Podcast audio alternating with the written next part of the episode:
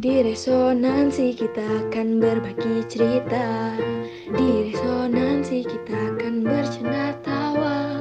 Selalu kan ada telinga yang mendengarkan kita. Mari ungkap suara hati di resonansi.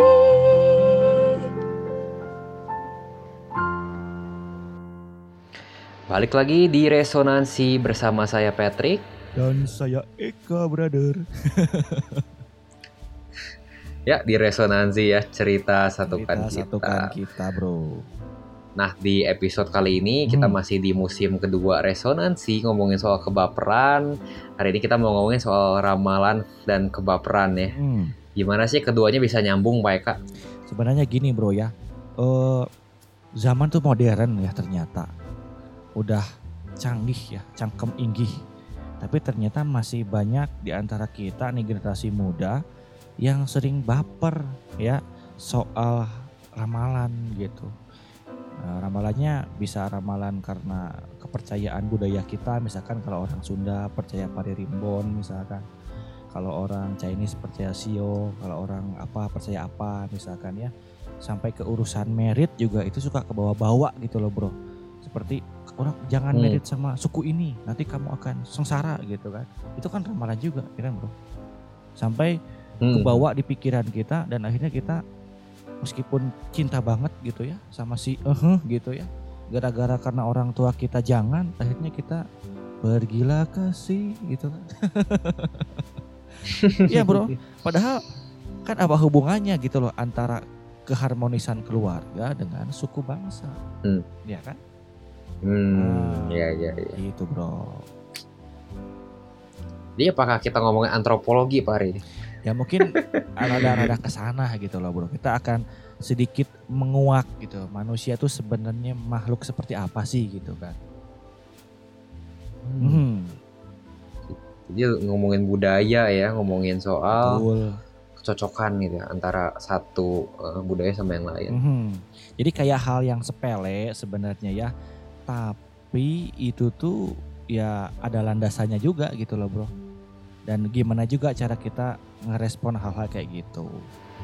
Mungkin saya mau nanya pertama-tama, mungkin pengalaman Bapak sendiri juga ya soal konflik budaya tadi gitu ya. Ya.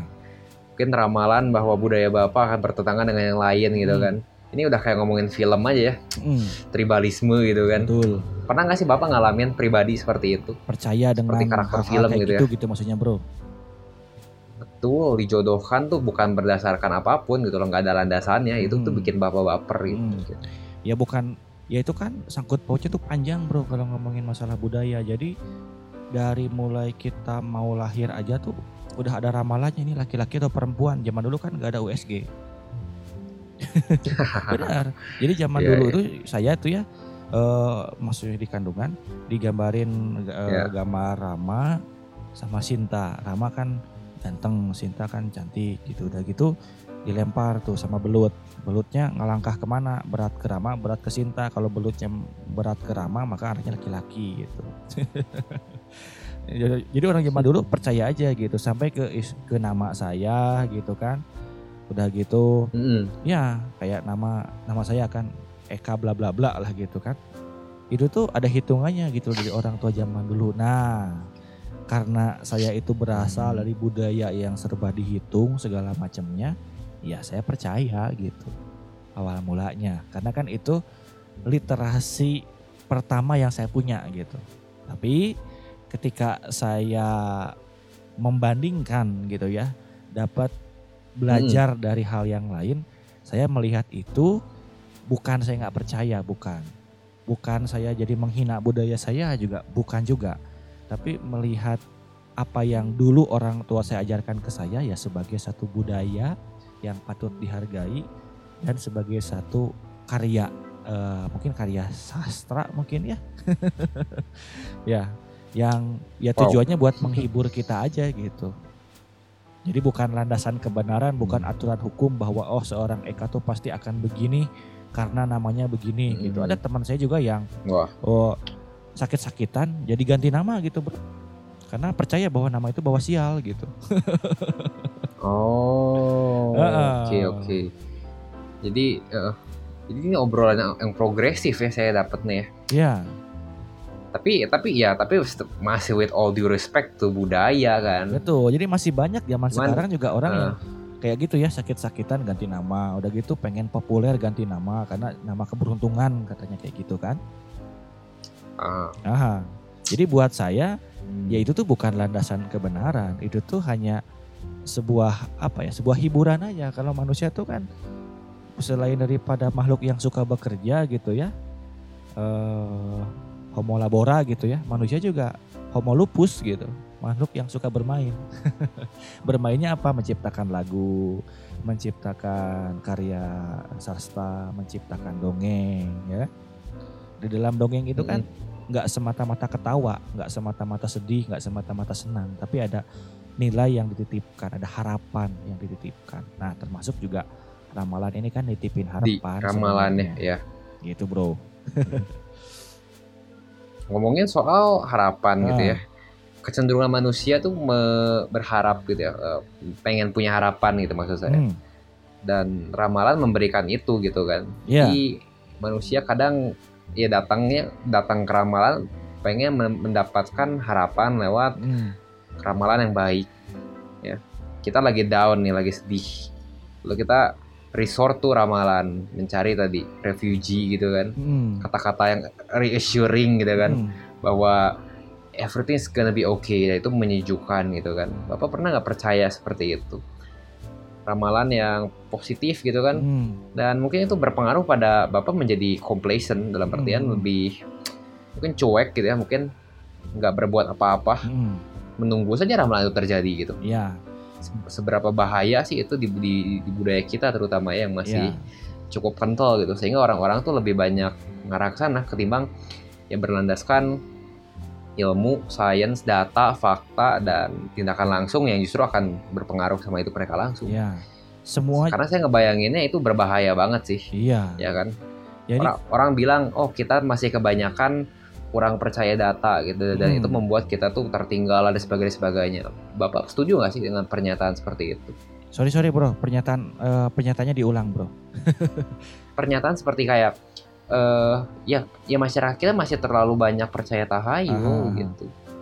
Ya. Tidak cukup ber- berpusatkan pada data dan fakta, Nah, angka gitu. kalau Kita kurang menghargai itu semua sehingga kita masih tertinggal mungkin sekarang. Iya. Itu setuju nggak? Gitu. Eh, bisa iya bisa tidak. Dibilang setuju karena gini bro, ada dua hal mungkin ya. Kita tuh minim banget literasi, minim banget literasi terhadap budaya kita. Kita nggak paham juga sedikit gitu ya. Dan membandingkan literasi juga kurang juga gitu maksudnya. Jadi dari mana sih kita belajar budaya kita? Rata-rata dari cerita orang tua. Yang namanya cerita orang tua Hmm. yang bagus-bagus lah, mana ada yang jelek-jelek bener nggak? Aib-aib aja mana diceritain Betul. gitu kan. Heeh, Heeh. jarang sekali kita tuh nulis silsilah keluarga ya kan. Rata-rata kan dari cerita ke cerita, bahkan kalau saya dengar cerita kakek buyut saya ya, ada yang bisa ngilang, ada yang bisa membelah diri jadi tujuh gitu kan. Ya tuh kadang zaman dulu mah percaya gitu, wah kakek saya hebat gitu kan. Tapi kalau zaman sekarang, kalau sekarang saya pikir ya hebat banget ya mereka Hmm. Jadi hebat juga gitu, tapi hebat banget ya ngebodoh-bodohin keturunannya gitu kan. Beda. Oke oke. Tapi mereka tuh kan belum tentu ngebodoh-bodoh, maksudnya kan nggak secara intentional juga ya. Ya itu kan Itu emang sesuatu yang mereka percayai aja gitu dan mereka Iya. nggak tahu bahwa mereka tuh kayak betul. Jadi menurunkan sesuatu yang yang nggak nggak faedah gitu ke depannya nggak tahu gitu jadi mm, lagi-lagi turun menurun aja dan di mana di mana sih eh, di generasi bapak rantai itu berhenti gitu ya apakah di bapak gitu eh, atau di orang tua sudah mulai progresif juga Ya, gini gini bro, kalau zaman dulu kan nggak ada hiburan, jadi kita di, dihiburnya dengan gitu, dibodoh-bodohin mulai dongeng kan. Hiburannya tuh di situ gitu loh. ah, Lain hal dengan zaman sekarang udah ada film, tinggal nonton film ya udah. Yang ngebodoh-bodohinnya kan Marvel Universe ya kan, Pixar Studio, eh, Walt Disney, ya kan. sama juga dibodohin juga sama. Tapi kan kita jauh lebih ngerti bahwa oh itu tuh bohong gitu kan. Kalau orang tua yang ngomong mungkin kita kayak oh setengah percaya setengah enggak tapi nikmatin sebagai sebuah proses eh, proses kehidupan gitu loh. Dan yang kedua nih saya belum sampai ke yang kedua. Jadi di kita ini kan masih banyak masyarakat yang susah ya. Susah udah gitu eh ya berharap-harap satu saat ada rezeki turun dari langit gitu kan ya jadi sasaran juga gitu loh bro. Makanya baru-baru bukan baru-baru beberapa waktu yang lalu kan 2019 itu yang eh, heboh Sunda Empire ya kan?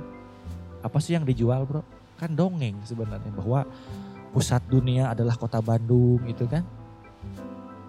Bagaimana Hmm. mungkin gitu loh. Tapi kan yang dijual bukan nilai sejarahnya tapi harapannya gitu loh bahwa ada harta ya kan? Bahwa Ya. masyarakat Bandung itu berhak atas harta PBB ya kan?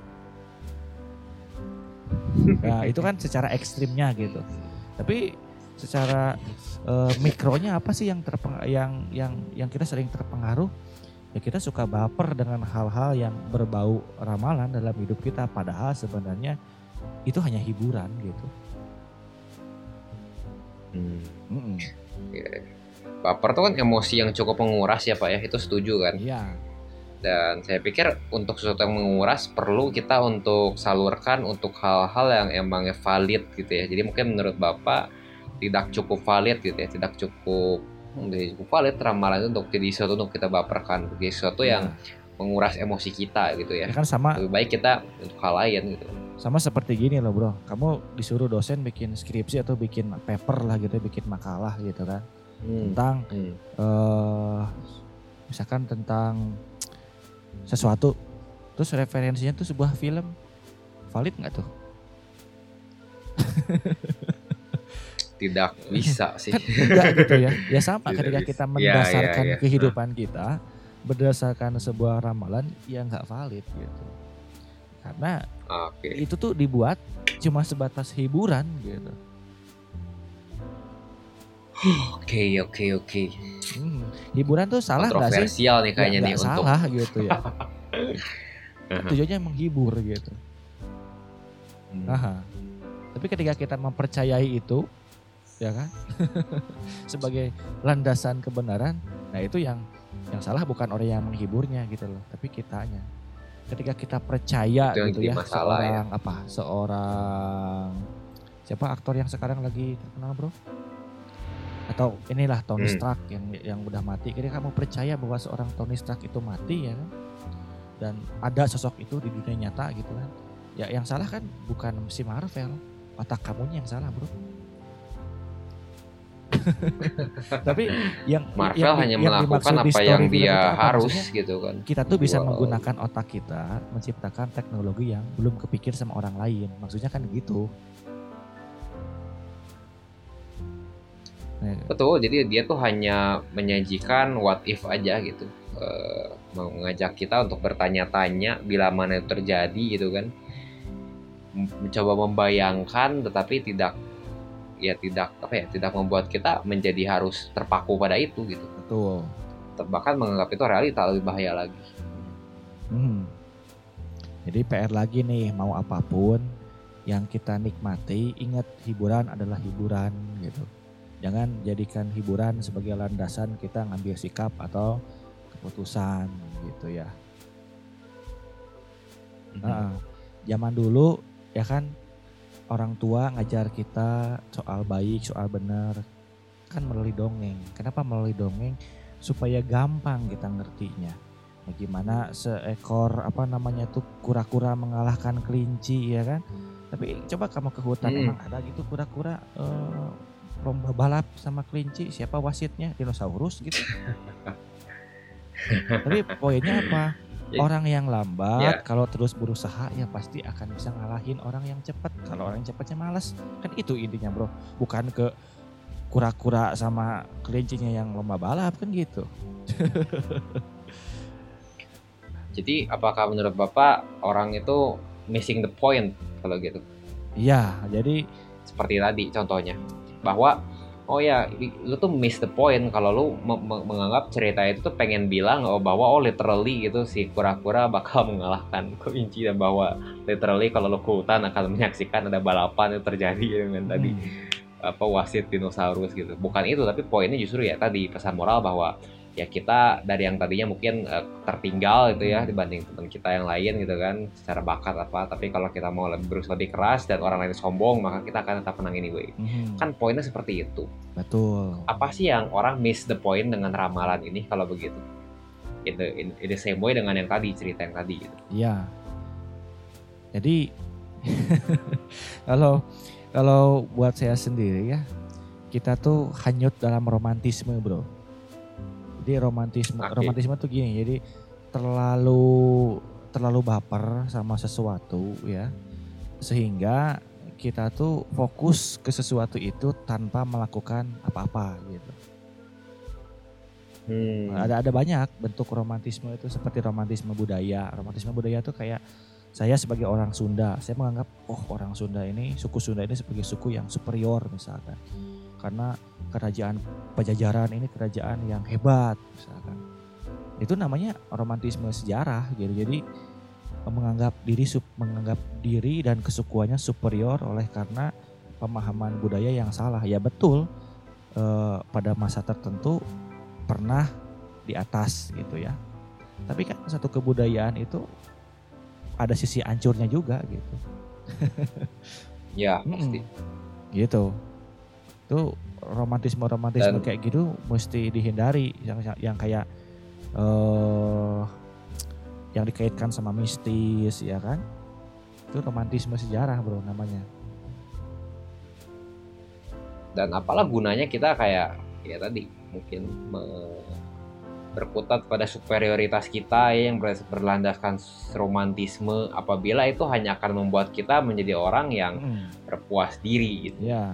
yang diam di tempat gitu kan ya apalah gunanya kalau gitu mm. jadi makanya pentingnya untuk menghindari romantisme ya seperti itu supaya kita nggak jadi orang yang diam di tempat tapi kita ya harus again do something gitu Mm. ya pak gitu ya pak ya Iya. Oke. Ya balik lagi ke cerita yang tadi yang Sunda Empire itu kan. Kenapa bisa bisa sampai banyak pengikutnya padahal jelas itu kan ya modusnya ya kita udah tahu lah apa itu ya meng-hire orang suruh melakukan sesuatu ya kan. Kenapa? Ya karena ketika seseorang diangkat di ininya romantismenya gitu di disuntik bahwa oh ya Bandung ini adalah pusat dari dunia. Siapa yang nggak senang sih bro kalau digituin? Atau Patrick lah, Pet, kamu itu titisan Alexander Agung misalnya. kan bukan logika saat itu yang yang yang yang sedang dimainkan, tapi emosi seorang Patrick gitu bahwa Patrick ini sederajat dengan seseorang yang ada di catatan sejarah yang namanya adalah Alexander the Great, ya kan? Saat itu yang yang yang yang dimainkan apa? Bukan kemampuan berpikir, bro, perasaan. Nah, sama Hmm. ramalan juga kan kayak gitu. Cuma sejauh mana kita membawa itu ke titik ekstrim gitu kan. Ya mungkin intinya tuh dari hari ini jangan cepat percaya ramalan hanya karena ya itu emang di secara desain mungkin itu emang untuk menggugah emosi semata, Nah, menggugah menggugah kita gitu. Dan kita jadi mudah percaya padahal mhm. itu berbahaya apa apalagi kalau itu membuat kita jadi nggak ngelakuin apa-apa, justru hanya menunggu itu aja gitu ya. Betul bro. Jadi eh, buat sobat resonansi di luar sana, saya mau eh, mention aja kita tuh manusia yang suka berkarya. Karyanya jadi sebuah film, karyanya jadi sebuah dongeng, karyanya jadi sebuah motivasi dalam bentuk ramalan. Jadi ramalan itu nggak salah, Eh, nggak salah. Kenapa? Karena salah satu tempat juga buat orang cari nafkah, betul ya bro ya? Hmm, Heeh betul, betul. kan ada banyak orang yang hidup dari dari situ gitu loh ya. Eh, mungkin Ya. bukan jadi seorang peramal aktif yang eh, tanda petik dukun atau paranormal bukan, mungkin melalui ya melalui melalui bikin eh, software mungkin atau bikin AI yang bisa ngelihat bentuk wajah terus disama-samain gitu kan. Hmm. Heeh. Ya kan itu kan jadi jadi karya gitu loh. Mm-mm. Kembali dikembalikan ke kitanya gitu sejauh mana kita menyaring itu. Oke, cukup jelas ya sepertinya. Aha. kita ngomongin soal hati-hati lagi ya Hmm. supaya again pada akhirnya supaya kita bisa menghindari baper itu lagi gitu loh yang nggak faedah in the first place gitu kan Hmm.